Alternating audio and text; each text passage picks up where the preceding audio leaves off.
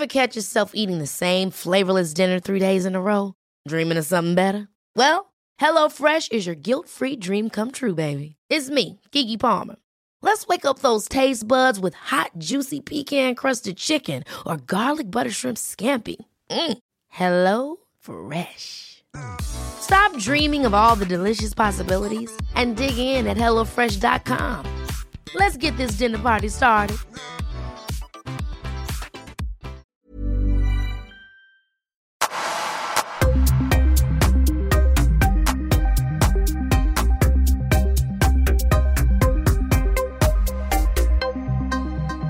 Erik Rönnberg, välkommen till Öppet sinne.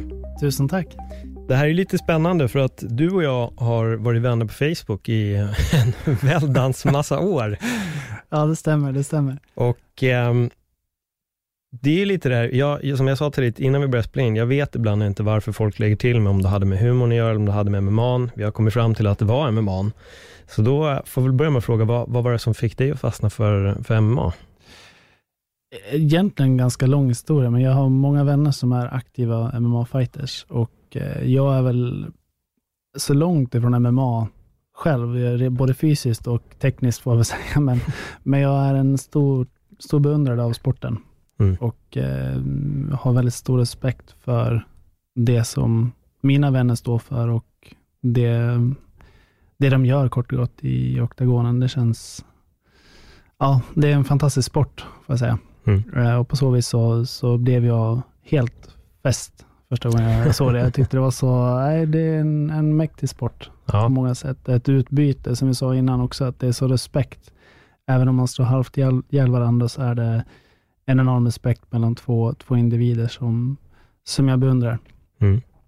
Jag håller med. Jag fastnade ju för sporten och jag arbetar ju med den idag, så jag är väl lyckligt lottad på, på den sidan. Och jag har under ganska många år undrat, speciellt med tanke på allting som har hänt lite senare med dig. Jag märkte, jag såg att du höll på att skriva en bok och det började hända väldigt mycket runt dig och då började jag också undra, så här, hm, vad var det egentligen som gjorde ja. att Erik eh, lade till mig här på, på Facebook? Var det MMA? Var det, för att jag märkte att det var väldigt mycket sport eh, på din Precis. sida också. Då jag tänkte jag, någonting måste det vara. Så någon dag ska jag fråga idag fick jag svaret och det känns som att det kanske är fem, sex, sju år, kanske till och med mer. Ja, minst faktiskt. Ja. Men det, ja, det är trevligt att träffas äntligen. Ja, men verkligen.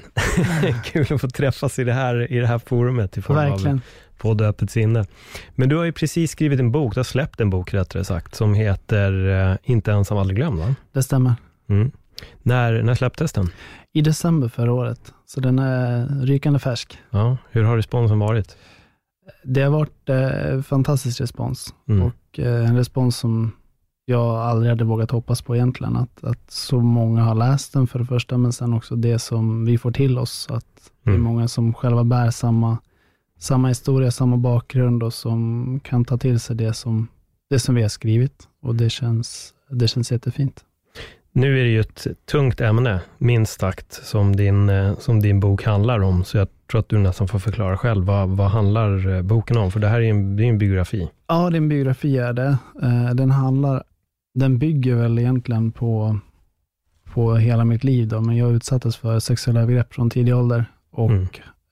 det jag vill fokusera på i boken är hur jag har hanterat min bakgrund på väldigt destruktiva vis och hur jag till slut tog mig ur det.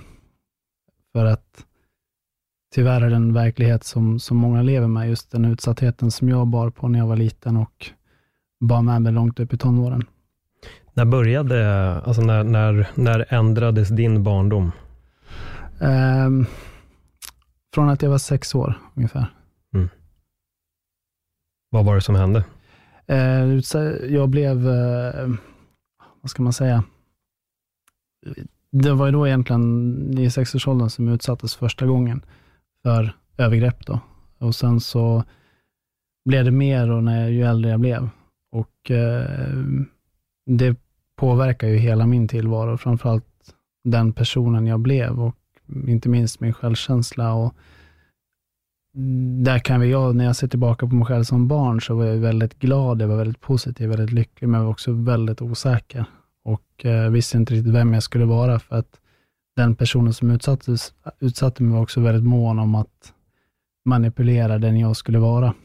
Han hade önskemål om att jag skulle vara på ett visst sätt och som passade honom och jag fick absolut inte säga någonting om, om det som hände mellan oss eh, till någon annan, för ingen skulle förstå. Och framförallt så skulle jag skulle bli straffad om jag berättade för någon vad, vad han hade gjort med mig. Mm. Jag kan ju inte ens eh, börja tänka hur det är att råka ut för en sån sak i så tidig ålder. Men jag måste vara ärlig med att det är en fråga jag har ställt mig själv. Många gånger eh, när man har sett i form av dokumentärer eller filmer som har dokumenterat eller porträtterat just det här ämnet, så har jag verkligen ställt frågan, hur, hur skulle jag hantera det här själv? Vad hade hänt med mig? Jag vet inte. Jag har verkligen aldrig det svaret. Jag har egentligen heller aldrig fått möjligheten att prata med någon förrän nu, när jag sitter här med dig.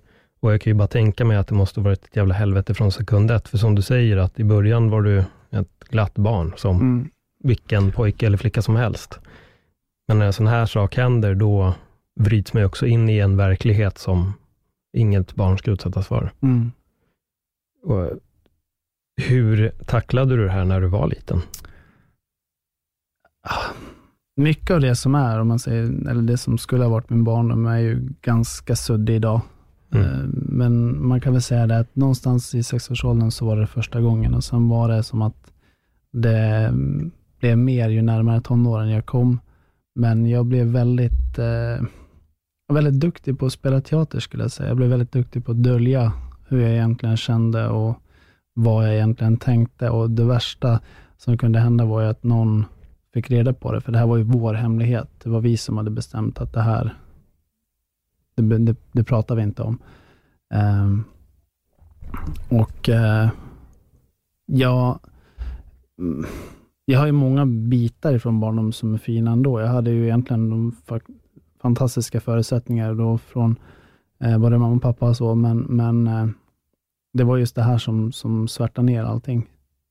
Jag tänker just på det här, när du säger att det var, att det var en hemlighet. Vad, vad var det som sades? På, på vilket sätt liksom, fick han det här till att bli en hemlighet? Så framförallt så var det att han var ju en person som mm, båda mina föräldrar litade på. Och han var en person som alla såg upp till, så det var väldigt lätt för honom att eh, använda sin maktposition då, gentemot mig. Att jag var, en, jag var kort och gott i en utsatt position.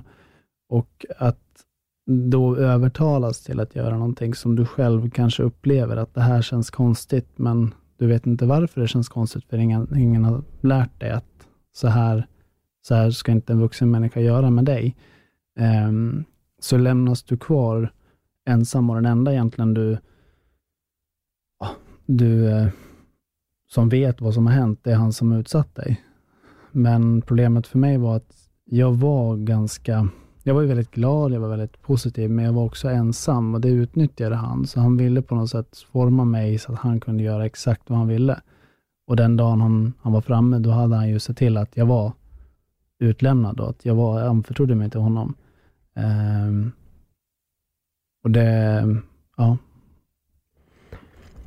När insåg du att det här var fel? Var det något du fattade på en gång eller var det någonting som kom sen? Det kom sen.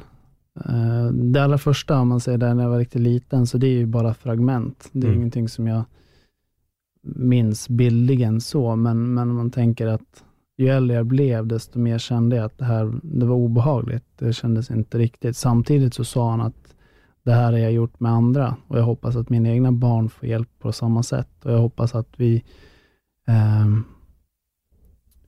att, att vi kan fortsätta, för det här är ju någonting som är bra. Det är någonting som jag gör för dig. Och Det är min gåva till dig. Alltså det är jävligt svårt då. Um, jag tänker just att använda ordet gåva och hjälp när man är liten är någonting som måste förvirra otroligt mycket. Mm. För en gåva är ju verkligen någonting väldigt, väldigt fint när man ja. är barn. Och ja. att få hjälp, det är ju det man vill hela tiden. Verkligen. Man ska vara där och hjälpa en och guida en och anförtro en. Jag tror också det här med att han anspelar på sina egna barn. Hur många barn hade han själv? Oj, de hade många barn, hade han. Jag ja. vet inte exakt hur många. Eh, men eh, jag minns faktiskt inte. Men eh, det tyckte väl jag var obehagligt, att just han använde dem som, som någonstans försvar för att göra det här mot mig. Mm. Och att han, han uttryckte det som att nej men jag har hjälpt andra på det här sättet. Och jag var ju så osäker. Jag tror inte det är så ovanligt, framförallt då när man tänker när jag blev lite äldre och man kommer upp i åldern strax innan tonåren och är osäker på vem man ska vara och vilken, vilken roll man ska ha i sin kompiskrets. Och att det då, kommer någon och säger att men jag, jag vet vad det går igenom och jag kan hjälpa dig och det är inga konstigheter och alla får hjälp på det sättet. Så att jag, jag bar ju min den här rädslan av att bli påkommen hela tiden. Samtidigt som jag kände en sån enorm skam och egentligen så ville jag bara ropa på hjälp. Men istället så försökte jag leta efter tecken från mina kompisar att, ja men, är de också ut, har de också varit med om det här och har de också fått, fått samma, samma, samma lärdom som jag har fått på det här sättet? Eller är jag ensam om det? Och jag letade och letade, men fick ingen direkt respons, utan jag fortsatte ju bära det här i ensamhet och tystnad och var väldigt mån om att ingen skulle, skulle förstå. Var det någon gång som dina föräldrar reagerade på någonting, och nu syftar jag liksom på dig, på ditt beteende, att det kanske kom upp något som att de upplevde att du var argare, eller agerade ut på något vänster, eller frågade dig, hur mår du egentligen? Eller? Jag var ju, som sagt, jag var ju ganska, ganska i, ensam, eller också fel, jag hade ju kompisar och så, men, men jag var en ensam varg på, i mångt och mycket och blev väldigt ambitiös med tiden. Så när det blev tal om betyg, då, lite högre upp i, i skolåren, så blev jag manisk. Så att jag har haft ett maniskt beteende i större delar av mitt liv, där jag har gjort allting till 200 procent. Det är det enda som har varit tillräckligt. Så istället för att ja, jag nöjer mig med att prestera bra, så har jag känt att jag måste vara bäst. Och det är klart att det är kanske ett beteende som är ganska konstigt, men är du ambitiös så har du samma beteende, så jag tror inte de misstänkte någonting på det viset, utan det handlade snarare om att jag, eh, jag var väldigt duktig på att dölja det, men hade beteenden som för mig själv blev direkt skadliga. Kan du utveckla skadligt? Att aldrig räcka till för sig själv. Att jag eh, jag hade ju den pressen på mig själv att visst, jag kunde få högsta betyg när det var dags för betyg, men var jag inte bäst så dög det inte. Och eh, hade eh, från tidig ålder väldigt höga ambitioner. Och när jag pratade med andra då, nu, liksom, när man pratar om framtidsvisioner, så jag var väldigt, väldigt målmedveten och nästan till för målmedveten för, för, min eget, eller för mitt eget bästa. Och där kan jag känna att hade jag hört någon annan, eh, jag själv kände att ja, men jag, jag, det räcker inte med att jag har ett visst jobb, utan jag måste ha det jobbet, för att annars så duger jag inte. Men hade någon kompis sagt att ja, men jag vill göra det här, och det är det jag brinner för, och det hade varit kanske exakt det jobbet jag inte nöjde mig med, så hade det varit helt okej, okay, för att det var en annan person. Jag blev tvungen att överprestera då för att få finnas till. Jag, jag tänker lite när, när, när, man, när du var i den åldern, var det någon gång då du, jag vet inte, såg film, läste om det här, där det här dök upp? Var det någonting som hände?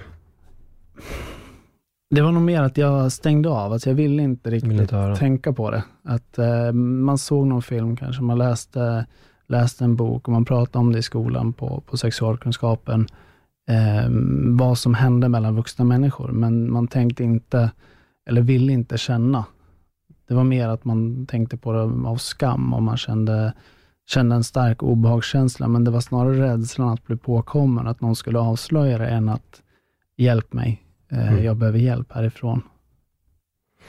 Hur tog du dig därifrån? Eh, det är väl egentligen den, den biten som jag skäms mest över.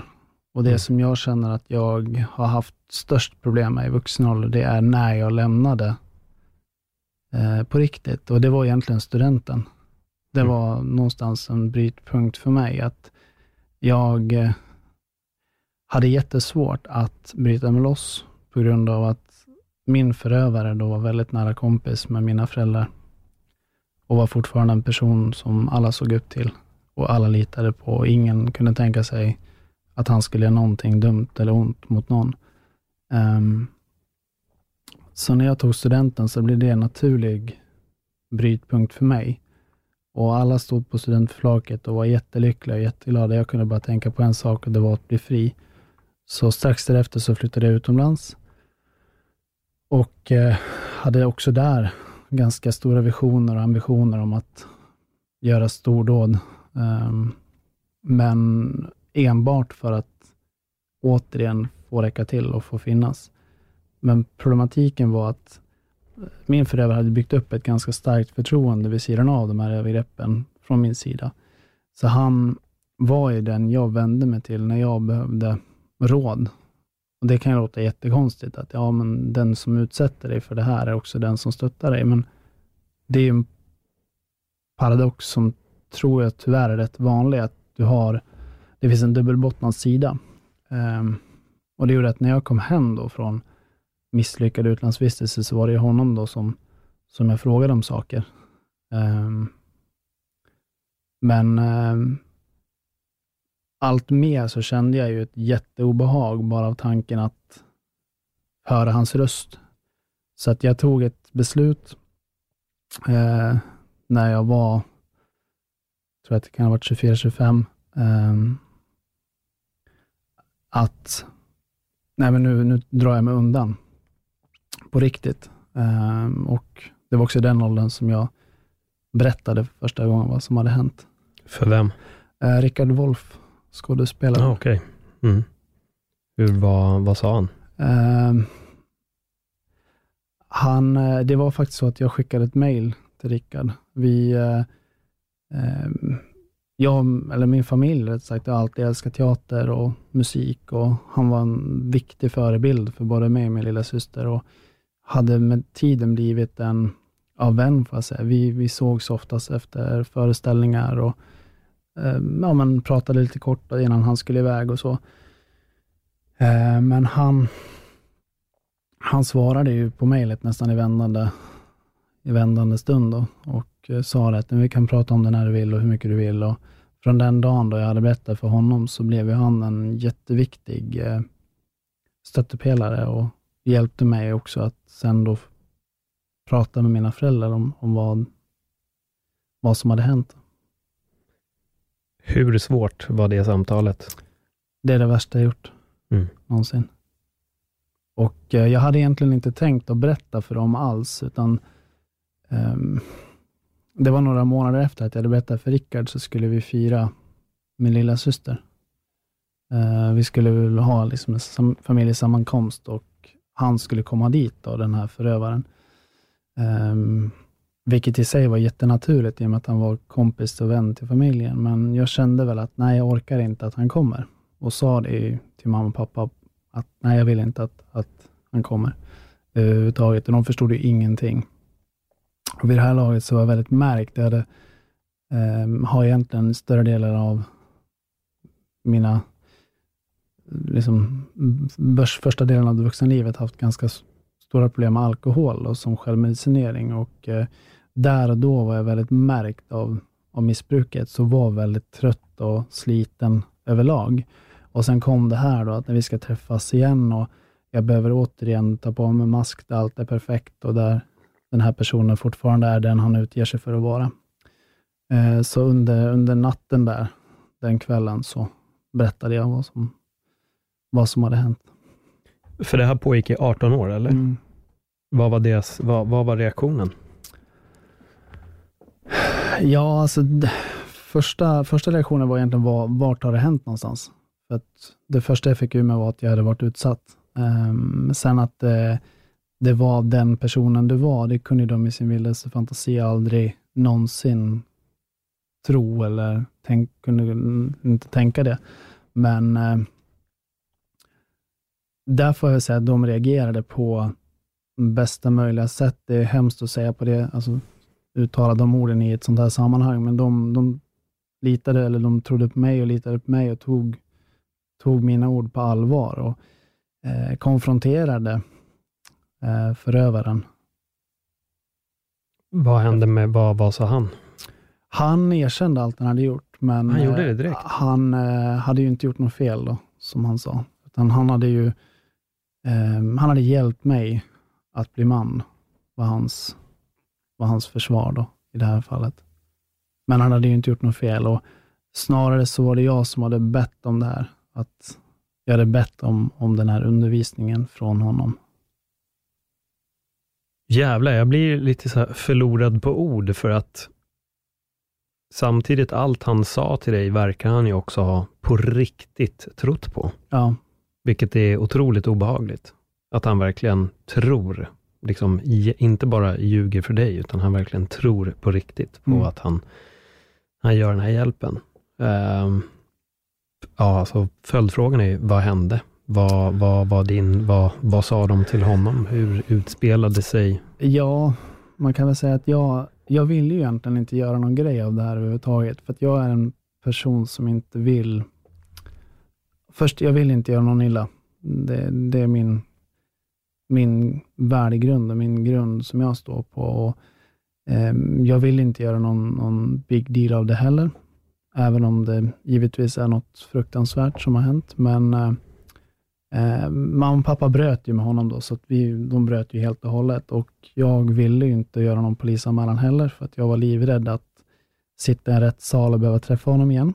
För man kan väl säga att från den dagen som jag pratade med Rickard och någonstans då på riktigt förstod att det här har hänt, då ville jag liksom inte kännas vid honom överhuvudtaget. Det var egentligen då det gick upp för mig att eh, jag förstod att jäklar, det här har hänt. Ehm, och det medförde att jag ville inte göra någon, någon rättsprocess av det. Men han levde ju på då som, som alltid och som vanligt och kände ju verkligen ingen ånger i, i det som, som hade hänt. Förutom då att han, hade, han kände att jag hade, jag hade bett om det och han hade gjort det, kort och gott. Jag tänker lite där när du säger just ungefär som att du erkänner för dig själv, så är det som att du på något sätt också har gått lite i en förnekelse ja. under alla de här åren, att det är inte riktigt så här, trots att man har beviset rakt framför ögonen. Eh, och det låter nästan lite som att det också har väl varit den liksom, tuffaste pillret att svälja. Ja. Att erkänna för sig själv att, jo men det är på riktigt. Ja. Um, och det, du har ju dragits med det, eller drogs med det i 18 år innan du mm. klarade av att göra det. Hur, hur ser du tillbaka på, på det? Jag tänker erkännandet för dig själv. Jag tror det är där som, som någonstans jag kunde börja läkningen ordentligt. Att man erkänner vad som har hänt, man erkänner vad en annan person har gjort med dig och framförallt för mig så blev det ju någonstans, även om, om jag utsattes i väldigt tidig ålder första gången, så, så blev det där, alltså det, de, de första gångerna liksom jag minns det, eh, så var jag ju äldre. Men för mig så blir det att, att erkänna att det har hänt gör också att du kan ta ett kliv framåt. Och eh, med tiden också betrakta det med andra ögon. För det är det som jag har känt varit det jobbiga, att, att man ser man ser sig själv som smutsig. Man ser endast sin egen delaktighet i, i det här. Man ser endast det man själv har bidragit till, trots att man inte har bidragit med någonting. Men att skulden som förövarna lägger på dig är den du också själv applicerar på din egen historia. Och eh, genom att någonstans erkänna vad som har hänt, så är det ett steg på vägen att komma till sinnesro. Det är väl först då man kan göra en förändring också. Ja. När man vågar erkänna. Precis. Uh, vilket scenario det än är, så är det väl först när vi erkänner för oss själva som vi kan också ta steget vidare. Precis. Va, vad vet du om honom idag? Uh, han lever inte längre idag. Nej. Gör han inte. Uh, och den dagen han, han gick bort, så kände jag att det var väldigt blandade känslor. På ett sätt så, visst sorg. han det fanns en tid då han faktiskt betydde mycket, såklart. Eh, men eh, också en enorm ilska att någonstans aldrig ha insett vilken skada man har gjort, utan att man lever i den här förnekelsen. Och när jag ser tillbaka på, på alla år av, av ren flykt som jag har gjort, så hade jag önskat att bara få ett förlåt. Det hade gjort så mycket för mig att, att inse att men han, han ångrar sig åtminstone lite grann. Han ber om ursäkt. Och det hade för mig varit det hade varit lättare för mig att gå vidare då, tror jag. Jag måste bara fråga, hur, hur gammal är du idag? Jag blir 33 år. Du är 33. Okej, så det är cirka nio år sedan som eh, där, nej 11, 11 år sedan som det här upphörde, för du sa att det var 24 där bara. När Mm. du, mm, exakt. Eh, jag tänker lite, när du säger förlåt, det här med att du hade velat ha ett förlåt från honom. Eh, har du kunnat förlåta honom? Det är svårt det där, tycker jag själv, med, med förlåt och att be någon om ursäkt som inte själv inser att han eller hon har gjort fel. Men jag kan säga så här, jag kommer aldrig förlåta honom någonsin eh, för det han har gjort. Men jag accepterar att jag har blivit som jag blivit på grund av det han gjorde. Mm.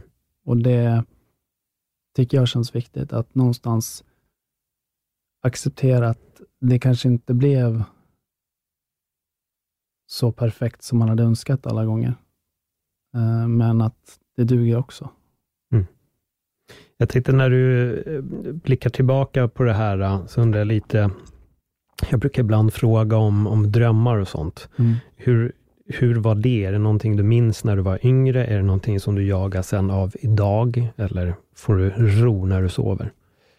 Det är väldigt varierande. Jättevarierande.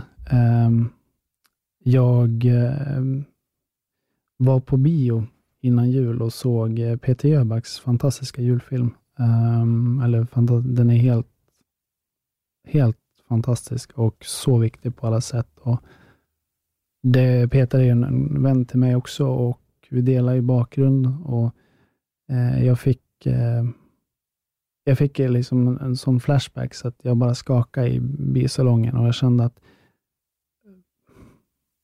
det var ett, ett, någonstans ett, en påminnelse till mig om att även om jag själv har kommit långt i min bearbetning så är den inte över. Eh, det jag tyckte var så så starkt i Peters film är att de har fångat exakt hur en förövare går tillväga för att fånga in sitt offer. Att det, det var så likt det som hände mig. Vad handlar filmen om? Jag har missat den här Eh, filmen helt. Det är en... Eh,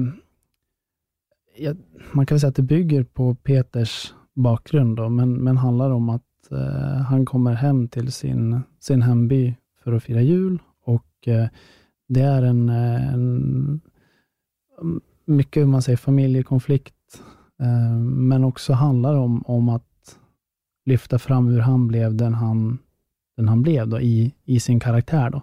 Så en, en eh, helt magisk film och en väldigt viktig film för, för alla. Men just där, att just man sitter och tittar på, eh, på den här fina filmen och som också har ett enormt starkt budskap, men att den där det blir så, det blir så, det blir så starkt och så, så um, väldigt likt det som, som jag var med om, att, att till och med kroppen reagerar. Och där, I sådana skeden kan det, då kommer det mycket mardrömmar. Mm. Hur var din reaktion i biosalongen? Hur, alltså hur, jag antar att det blev jobbigt. Ja, jag fick, jag fick en panikattack då, mer eller mindre, så att jag satt och grät egentligen från, från den sekvensen där man insåg att oj, nu, det här, det här, är, det här är förövaren i, i filmen. Um, men jag tror det var för mig var det, det var en sund reaktion och jag är tacksam att jag reagerade som jag gjorde, för det är någonstans så, så blir det ett, ett sätt för mig att våga känna. För problemet som jag känner idag när jag har pratat mycket om min bakgrund, det är att man pratar om den och sen blir det att man, man tillåter sig inte att känna så mycket, utan man, man behöver vara stark för att andra ska känna, känna att de har stöd. Och då glömmer åtminstone jag oftast bort att, att känna själv. Och därför så tycker jag det var så skönt här i biosalongen, att ja, men jag kan gråta, jag kan bli väldigt, väldigt ledsen. Um, och jag får tillåter mig att ha mardrömmar, även om det är, det är jobbigt. Mm. Att erkänna att man har, man har vissa, vissa minnen som inte, som inte är bearbetade än. Så. Du var, inne, du var inne lite på den processen om, om läkning och sånt. Hur, eh, hur långt känner du att du har kommit i den? Jag har nog kommit, eh, egentligen de sista två åren så har väl min läkning tagit skjuts på allvar. Um, och mycket handlar om att jag träffade min sambo, eh, Lisa, och att eh, någonstans där hitta en trygg, en trygg motpart i vardagen och en person som håller facklan när, när jag känner att inte jag orkar. Mm. Men också en person som inte tillåter mig att gå ner mig i min bakgrund. För jag levde ju länge destruktivt för att någonstans straffa ut mig själv. Um, och destruktivt uh, för att glömma och kände någonstans att nej, men jag har rätt att behandla mig själv så här för att jag har varit utsatt för det här. Istället för att tänka att jag har bara ett liv och det måste jag ta tillvara på, så kände jag att då kan jag lika gärna förstöra för mig själv. Mm. Det, det, spelar ingen roll, för jag ska ändå inte leva imorgon. Så. Jag vill gå in på den biten. Jag känner bara att det är en fråga som har eh, legat och gnagt lite här i huvudet. Du sa att han lever inte idag. Hur Nej. har han gått bort? Har han gått bort av naturlig död eller har han valt att eh, avsluta det själv på grund av skam? Äh, naturlig död. Naturlig död, ja. okej. Okay. Jag tänkte lite när vi går in på, när du gick in på det här med alkohol och sånt också. Alkohol är ju den absolut kändaste lagliga drogen som vi har och det är också en, en drog som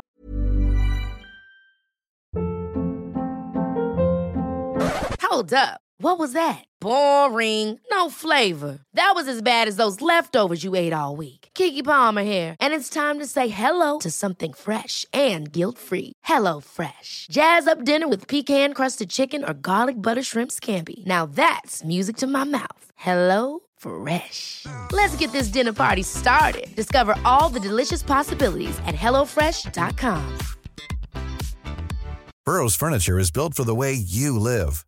From ensuring easy assembly and disassembly to honoring highly requested new colors for their award-winning seating, they always have their customers in mind. Their modular seating is made out of durable materials to last and grow with you. And with Burrow, you always get fast, free shipping. Get up to 60% off during Burrow's Memorial Day sale at burrow.com slash ACAST. That's burrow.com slash ACAST. burrow.com slash ACAST.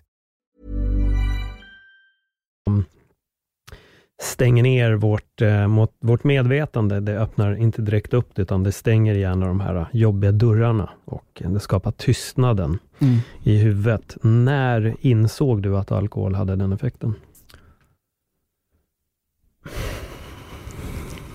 Jag skulle nog säga att det var eh, andra året utomlands efter studenten. Mm. För jag under, under gymnasiet och eh, kanske även första året efter gymnasiet, så var jag väldigt, jag var väldigt försiktig med alkohol och alltid den som, som höll sig nyktrast. Då. Eh, men då kände jag att min bakgrund kom lite i kapp. Att, eh, det räckte inte med att fly in i jobb och hålla tankarna borta på det sättet. För att när jag kom hem då efter en arbetsdag, så då var rösterna där. och rösterna att jag inte dög, att jag var värdelös och smutsig och äcklig. Och, eh, genom alkoholen då så kunde jag tysta dem. Får jag bara fråga, sa han det till dig också? Att du var, är det hans ord som repeterades? Ja. Eller? ja. Och även, det var, han, han sa dem, men sen var det mycket min egen självkänsla, mm. alltså min egen självbild. Hur långt gick det med, med, med alkoholen? För det där är ju, när man väl öppnat upp den dörren, så kan det ju spåra hur långt som helst. Känner du till en kille som heter Gabor Mate förresten? Nej, det är jag inte tyvärr.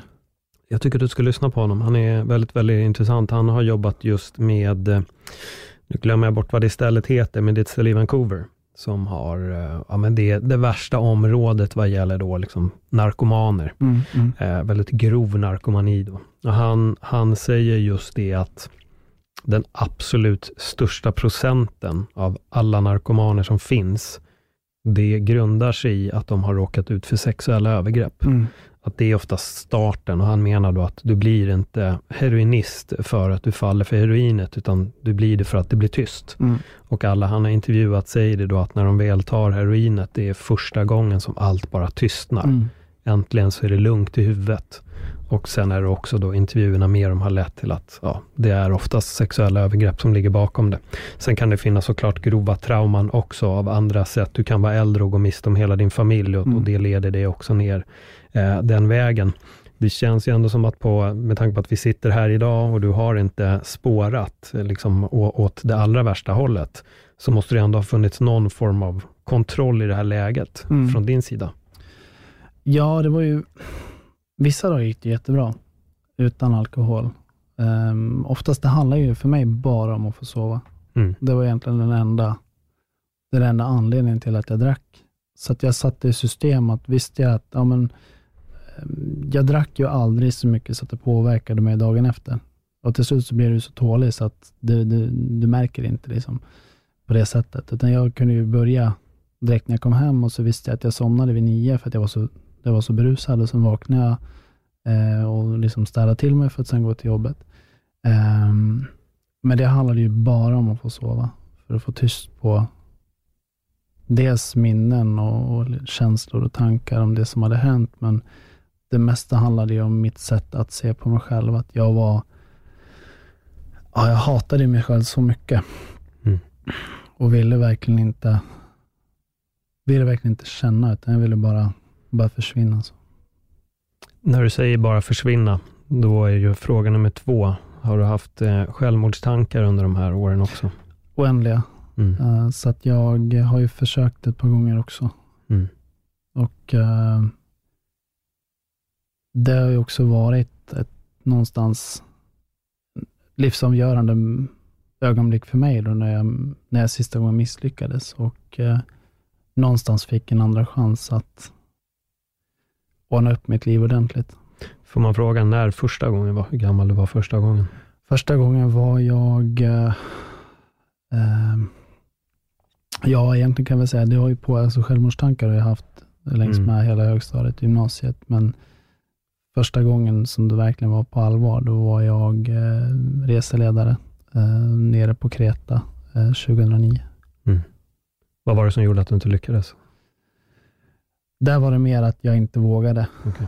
Så att eh, någonstans så tror jag att jag ju, för mig så handlade det, det nog om att göra tafatta försök för att slutligen göra en, en, en sista större försök och Mm. verkligen, verkligen lämna så på riktigt. För det sägs ju att det är ju oftast ett rop på hjälp. Ja. Eh, Att det, och det låter ju verkligen som det här från, från din sida. Är det någon som du har kunnat prata med, inte att du kanske direkt har gått in på verkligheten, men där du har öppnat upp dig om hur du har mått, att jag har dålig självkänsla, jag känner så här, men kanske mörkat liksom sidan av varför du egentligen kände så. Det, det får jag nog säga Rickard Wolff också. Det var det. Att eh, han, eh, han var ju den som någonstans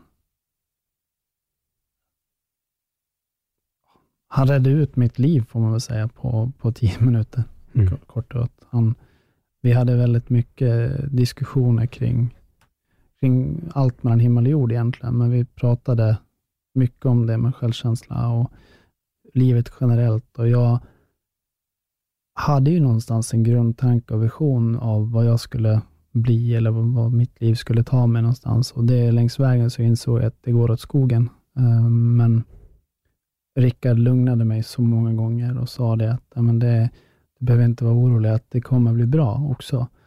Men eh, sen så var ju inte jag riktigt ärlig mot honom heller. Det var inte så att jag sa att nu kommer jag försöka ta Mm. mitt liv här, utan det, det var mer att det här med vem jag är och räcker jag och duger jag. Och, så, Att eh, släppa in folk i ditt liv. Jag tänkte just relationer, du pratade Mm. lite om din eh, sambo här nu. Hur, hur svårt har det varit att släppa in nya människor? Det behöver inte vara i relation som i kärleksrelation, utan bara vänner. Jag skulle nog säga att det, ja, det har varit nästan till omöjligt. Mm. Ehm, så att när jag pratar med kompisar, vänner, bekanta från de som inte kände mig, man säger väl kanske att fram tills dess att jag var 26-27, um, så brukar de säga att men vi, vi kände inte dig riktigt. Alltså vi, vi kände dig, men vi kände inte dig, utan du var där, men det kändes att någonting var, var inte riktigt helt rätt så. Uh, och inte personlighetsmässigt så, men de sa det att du, du bar på någonting som vi inte kunde sätta ord på. Och jag har alltid varit en person som har känt in, um, när jag kommit in i ett rum så har jag varit ganska snabb på att konstatera vilken person ska vara här. Uh, jag har ändrat mig efter vem, jag, vem alla tycker att jag borde vara, istället för att uh, leva efter den jag är som person själv. Och Det blir också väldigt konstigt för din omgivning, att okej, okay, men vem är du egentligen? Um, och där, där kan jag känna att det handlar mycket om att uh, försvara sig själv, att jag inte har velat att någon ska få lära känna mig. Och där tror jag idag att jag har fortfarande en väldigt stor portion integritet och är, även om jag är väldigt social, så är jag inte så, jag är väldigt, väldigt noggrann med vilka jag släpper in på livet um, ordentligt. Och Det handlar inte om att jag inte tycker om personerna, utan det handlar mer om att jag, um, jag är mån om att, om att de som får det förtroendet, de förvaltar det väl. Mm. Jag tänker, eh, om vi går in på kärleksrelationer, mm. hur, hur svårt har det varit för dig? Um, det, det har varit väldigt främmande för mig egentligen med, med kärleksrelationer. Jag eh, har dels haft stor skam för att min första sexuella erfarenhet var en, en vuxen man. Um, jag har också känt mig väldigt osäker på, kommer den här tjejen tycka om mig? Ehm, det är ju någonting som alla såklart bär på. Men, men ehm, det har varit svårt för att just när det kommer till en kärleksrelation så ingår ju oftast mycket närhet och närhet har varit extremt svårt för mig. Och att vara i en intim situation med en person du tycker om och sen så får du en flashback och det enda du kan tänka på är en man vars fingrar och kropp rör dig. Liksom det, det är värsta tänkbara utfallet av en, en situation som skulle kunna varit så fin. Mm. Så att jag har fått jobba jättemycket med just närhet och där kan jag väl säga egentligen att det är först eh, sen jag träffade Lisa som jag känner att jag till 100% kan ge hela mig till, till en annan person. Då. För att det är så mycket respekt involverat. att eh, Nu, sen jag liksom har börjat prata om min, min bakgrund, så vet ju många om den, men jag tror det är få kanske som förstår konsekvenserna rent kroppsligt. Att det är inte bara att vara intim med någon eller att gå in i en kärleksrelation, utan det är mycket, mycket saker som, som eh, påverkar väldigt, väldigt destruktivt i det fallet. Mm. Jag tänkte, eftersom att vi har varit vänner på Facebook idag, så eh, jag minns inte exakt när jag liksom började se det här komma från dig. Så jag tänkte, det vet ju du såklart mycket bättre. Eh, men, men frågan är, när, när kände du att jag behöver verkligen prata om det här? Då? Liksom högt, inte bara nu i det dolda, att säga det till någon person, utan verkligen att så här, nej, men jag måste släppa ut det här. Jag, eh, jag vill hjälpa folk nu. Nu vill jag hjälpa andra utsatta. Eh, jag eh, misslyckades sista gången att ta mitt liv 2013. Och när jag vaknade upp morgonen efter så var jag först förbannad, irriterad och ledsen och uppgiven för att jag kände att jag, jag kan inte ens ta mitt liv, inte ens det klarar jag av. Så dålig är jag. Men med tiden så växte en stor revanschlust inom mig och det ledde fram till att jag tre år senare, då 2016, valde att gå ut med min bakgrund, men egentligen bara för att någonstans själv ta ett kliv framåt och samtidigt hjälpa andra. Um, för jag kände någonstans att jag levde så länge i, i vägran att, att, acceptera faktumet, vad som hade hänt. Jag ville bara inte kännas vid det. Och så kom jag till en punkt att okej, okay, jag måste någonstans omfamna min bakgrund helt och hållet. Och kan jag samtidigt som jag gör det också hjälpa andra, så gör jag väldigt gärna det. Hur var reaktionen? De flesta var väldigt chockade. För i och med att jag alltid hade haft den här rollen som, som den glada killen som alla, jag ska inte säga älskade, men som alla tyckte att han var gladast i och snällast i. Och nu så kom jag med bomben som, som ingen någonsin hade vågat tänka på. Um, och då så, så blir det en chock för, för väldigt många. Mm. Vad, vad, sa de till dig? Var, jag tänkte här nu när vi kommer in på så här relationer, var det någon vän som har stått dig lite närmre? Vad var dens reaktion i sådana fall? Eh, jag vet att min äldsta vän, eh, Jonna, eh, ringde jag till och förklara och berätta och hon blev såklart jätteledsen, men jag tror för, för henne så blev det, jag tror hon fick svar på många frågor som hon själv hade haft om mig. Att den här personen då som, som hon hade lärt känna var ju fortfarande samma person, men nu fick hon veta varför jag kanske hade varit lite undvikande i vissa sammanhang eller hade mm, inte velat prata om vissa saker. Um, och nu fick hon, hon fick svaren. Och där har jag känt ett jättestort stöd från, från många sidor. Sen är det ju vissa som man har känt att den här personen kanske man inte ens hade pratat, eller skulle ha pratat med egentligen om det här. Mm. Har folk hört av sig till dig? Nu, nu tänker jag lite alltså som själva är i den här sitsen, lite som ditt samtal med Rickard Wolff. Ja, det är väldigt många. Är det. Ja. Um, och där brukar jag försöka se det som att när jag pratar om det som har hänt mig, så försöker jag fokusera på det som är konsekvensen av sexuella övergrepp. Och I mitt fall så är det psykisk ohälsa.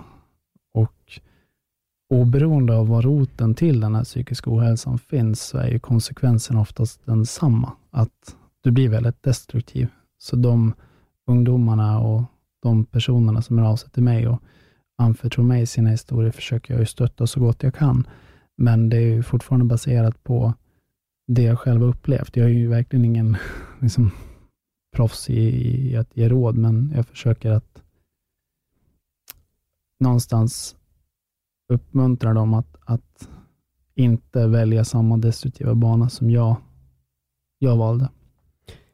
Vad blir uppföljningen när folk hör av sig till dig? Finns det de som också har vågat gå till sina föräldrar, till förövaren? Har du fått liksom efter historien också, efter deras första brev till dig? Ja, vissa, vissa har faktiskt vågat göra det. Mm. Och det är väl såklart helt otroligt och väldigt både rörande och man känner en, en enorm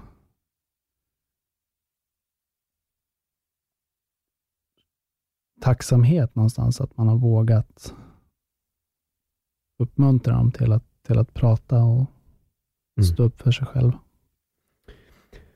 När du väl började skriva den här boken, hur, hur jobbigt har det varit? Och det har varit en, en riktig berg och får jag säga. Um, det har varit väldigt nödvändigt för att jag har insett hur långt jag har kvar att arbeta med mig själv. För det är lite som jag kände det när jag såg Peters film, att det är lätt att tänka att nu är jag klar. Nu, nu behöver inte jag jobba mer med mig själv. Men ju, ju fler dagar som går, desto mer inser jag att jag måste fortsätta jobba livet ut. Och boken har varit en viktig del i den processen. På vilket sätt känner du att du fortfarande behöver jobba med dig själv? Jag tror att just när det kommer till de ärren jag har, i form av att jag har en dålig självkänsla, jag har väldigt svårt att känna tillit och har en fruktansvärt skev självbild, så måste jag hela tiden underhålla det, att jag känner att jag, jag är tillräcklig och just det att öva på att nej men jag, jag duger som jag är. Det är någonting jag, jag måste göra varje dag. Mm. Ett lite tvärkast, jag ska komma, hoppa tillbaka lite till den tidigare tiden i, i ditt liv. Och jag tänker lite i alla de här mörka stunderna som var, såklart fanns det massa andra ljusa också, men fanns det någonting speciellt för dig som du kunde få den här totala frizonen i, där du så här, här kan jag släppa allt? Det har alltid varit idrott av olika slag. Mm. Framförallt ishockey har varit min, min frizon. Uh, och då inledningsvis som, som spelare när jag var riktigt liten, men, men senare som ren åskådare. Mm.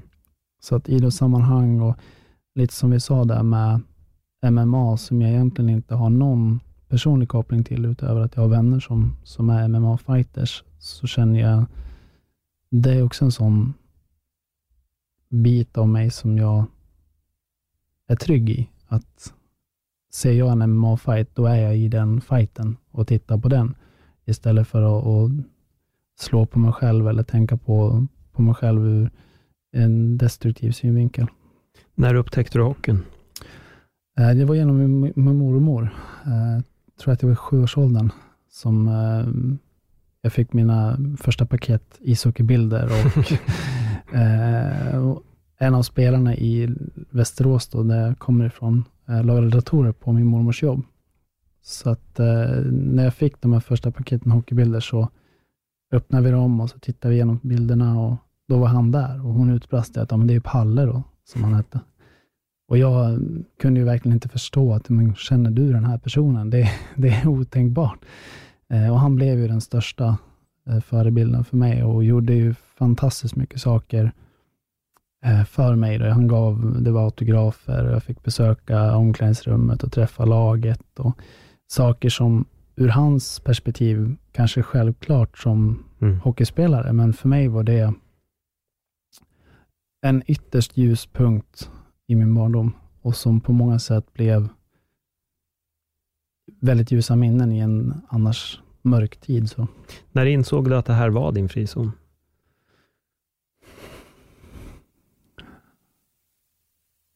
Jag tror eh, framför allt, man kan säga så här, när, alltså första matchen jag var på kände jag direkt att det här tycker jag om, det här älskar jag. Men eh, egentligen så i början tonåren kände jag att det, det är här jag, jag mår som bäst. Det är här jag kan, kan vara mig själv. Mm. Har du fått möjligheten att träffa Palle idag? Det är det som, alltså, vi har ju kontakt än idag, mm. men vi har inte träffats på väldigt många år. Han bor nere i Ängelholm då. Eh, hans son spelar i, i Rögle, då, som är laget från Ängelholm. Men eh, vi ska träffas här i mars, är tanken. Mm. Vad har han, vad har, alltså för han vet ju såklart om din historia idag. Ja. Vad, har han, vad har han sagt när du, för jag antar att du har sagt det du berättar här ja. om honom. Ja, jag har försökt att, eh, för mig så har det varit så viktigt just att, att försöka förklara hans betydelse. Det är svårt att förklara betydelsen för att där är det lite som att orden faller platt, men han, eh, han har hoppas i varje fall att han har förstått att han betydde och betyder fortfarande enormt mycket för mig. Mm. Det är nästan lite synd att du inte hade träffat han redan, ja. för det hade varit intressant att höra ja. om, om mötet. Men, men det, han, eh, han har läst boken och eh, känner väl, hoppas jag, och han har uttryckt det, att han är enormt tacksam för, för att jag har vänt allt, allt det onda till någonting gott. Så. Mm. Nej, men han lägger ju orden på precis det som jag tänker här också, för det är ju det är inte många som gör det du gör och det är att våga prata högt. Eh, det är väldigt lätt att inte ens prata tyst om det, utan verkligen bara hålla ljudet i sitt eget huvud och gå runt med det. Och jag kan mm. verkligen förstå att du har gått runt med, med destruktivitet och både självmordstankar och allt möjligt. För som sagt, jag kan inte sätta mig in i situationen. Men jag kan förstå ett visst agerande. Jag kan förstå att man söker sig till alkohol för att bedöva och, mm. Eh, och tysta. Och det är en fantastisk sak som du gör idag, bara höra att folk också hör av sig till dig. Sök din hjälp och vågar höja sin egen röst. Mm. Även om det bara är via text, så vågar de kanske för första gången också tala om sin egna, om sin, som sina egna liv. Mm. Och på något sätt så är det här också fantastiskt vad gäller sociala medier. Verkligen. Att folk kan nå dig. En gång i tiden hade de aldrig kunnat. Nej, det, det är det fina tycker jag med, med sociala medier, att man är så pass man är så pass nära varandra ändå, Mm. fast man är så långt ifrån varandra. Ja. Vad, vilka projekt jobbar du med idag, Erik? Jag jobbar dels med eh, ett projekt som heter Inte ensam hade glömt, som jag startade 2016 då, som blev någonstans startskottet för, för min kamp då för, för barns rätt att, att vara barn. Och så jobbar jag lokalt i Västerås med ett projekt som heter Schysst framtid, Mm. där vi eh, så gott vi kan försöker förebygga mobbning och psykisk ohälsa i, i skolorna runt omkring Västerås och Hallstahammar. Vad har du fått för respons på det? Det är, ett, eh, det är en fantastisk respons. Det är VSK Bandy, den lokala bandyklubben, som har drivit projektet och är inne på sitt femte år. Femte år då. Eh, Så att de har gjort en enorm skillnad och sen känner jag att det är fint att få vara delaktig i det vi tillsammans gör nu då, genom Schysst framtid och träffar eh, varje dag skolklasser och eh, öppnar en diskussion kring det som man inte, man inte vågar prata om. Har du, du har varit ute och föreläst en del, va? Mm. Föreläser du i skolor också? Det har hänt, har det gjort. Mm. Ehm, så att då är ju, när jag föreläser så är det, då pratar jag om, om min bakgrund, men framförallt om det som man kanske inte vågar eller vill prata om, att man har tankar eller känslor eller funderingar som är, som är jobbiga och en stor portion psykisk ohälsa är det som, som jag pratar om. Om du, en annan person som dig, hade kommit till din skola när du gick i, säg nian och talat om exakt det här. Hur tror du att du hade reagerat då? Det hade känts väldigt fint, tror jag, att någonstans få höra någon annan berätta det man själv känner och tryggt, att inte känna sig ensam. För det, det är så mycket förknippat med skam, upplever jag, när jag pratar med ungdomar, att nej, men jag får inte må dåligt, eller jag får inte känna så här, eller bär man då också på, på en bakgrund av sexuella övergrepp, så blir det mm, om något ännu värre, tänker jag. Vad tror du att det kommer ifrån? För jag tycker verkligen att du slår lite ehm, det, detaljen här, att man får inte riktigt må dåligt. Vad tror du att det kommer ifrån? Jag tänker att som det fungerar idag med våra sociala medier, som på sätt och vis är fantastiska, men de bidrar också med mycket destruktivitet och skeva ideal. Och det tänker jag bara den, den funktionen att du kan lägga på ett filter på en bild gör att du redan där skapar en, en eh, tro att du inte själv duger som du är. Det tror jag är en stor bidragande faktor och orsak. Um, sen också det att du behöver vara den perfekta människan. Jag tänker lite på, på hur jag själv hade det, att men det räcker inte med att du är märkesstudent. Du måste vara bäst, bäst, bäst i klassen eh, och på hela skolan, annars så duger du inte. Och det är samma när jag pratar med många unga idrottare framför allt, att det är inte bara att du ska vara bäst i laget, du ska vinna poängligan också och du ska vara mm, väldigt duktig student vid sidan av din, din idrott och det gör att du ställs inför krav och förväntningar som är ganska, ganska ohållbara i längden. Hur blir vi fria de kraven? Det är en lång väg Mm. dit, men eh, jag tror egentligen det första är att, att eh, våga vara lagom. Mm. Att våga vara våga vara ambitiös utan att eh, det går till överdrift. Och att känna att det är helt okej att, att, att det inte är perfekt ibland. Om det sitter någon och lyssnar på det här nu, som är en, en Erik Grönberg i tidig ålder, vad eh, skulle du vilja säga då? Du är inte ensam. Mm. Och att eh, vi är väldigt många som, som står på din sida. Vad skulle du ge för råd för att slita sig ifrån det här? Jag tror det, det första är nog att, att anförtro, anförtro sig till någon som man verkligen, verkligen litar på. Sen om det är en skolkurator eller idrottsledare eller lärare eller förälder eller det, det spelar inte så stor roll. Eh, I mitt fall så var det en skådespelare som jag avgudade och såg upp till, men jag tror framför allt att försöka, försöka prata om det med någon. Att inte bära ryggsäcken själv. Mm.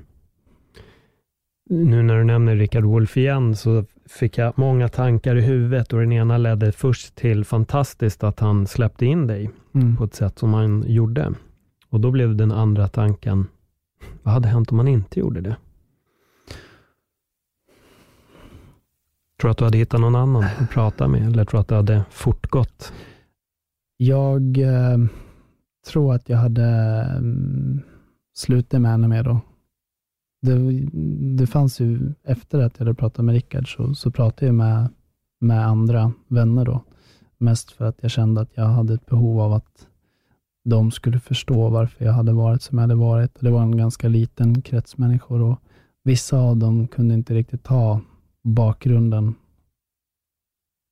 på, fel att säga kanske rätt sätt, men de tog inte min historia med respekt, utan det var snarare um,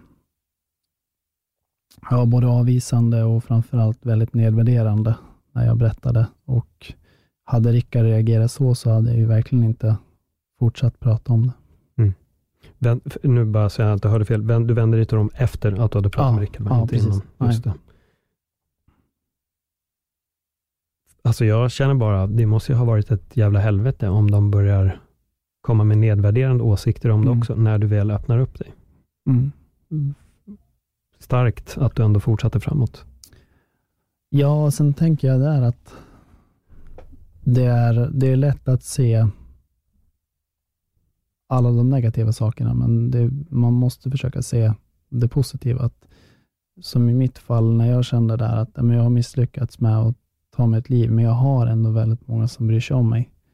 Det är det jag får lyfta fram i det här fallet, att ja, men det fanns väldigt många som också lyssnade och tog hand om min historia på, på rätt sätt. Mm. Och det är en stark historia som du har delat med dig här också. Um, du har även skrivit en bok som heter Inte ensam, aldrig glömd och den kan man köpa var som helst antar jag? Ja, precis. Jag kommer länka till boken i bion, Inte ensam, aldrig glömd. Och uh, finns det någonstans, ifall det är någon nu som är i samma sits som när du var ung, finns det någonstans de kan vända sig? Då skulle jag nog rekommendera Tre ska bli noll.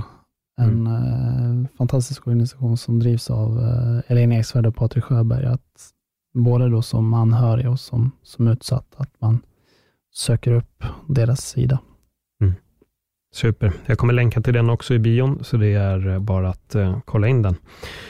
Erik, det, mm, ja, det här har varit ett eh, tungt samtal och jag är jätteglad att du kommer in och vågar släppa ut det här tunga samtalet. För hur det än är så är det ett ämne som alltid är aktuellt, oftast i det tysta och i det dolda. Och jag tackar jättemycket för att du har kommit hit och ja, gjort din röst hörd och delat med dig av den här historien för att alla behöver höra det. Tack för att jag fick komma. Mm, supertack. Ja, där har ni det. Jag får helt enkelt önska alla lyssnare en fantastisk vecka och om ni vet någonting eller är utsatt i en situation själva, gör som Erik och eh, börja prata. Tack för den här gången. Hej då.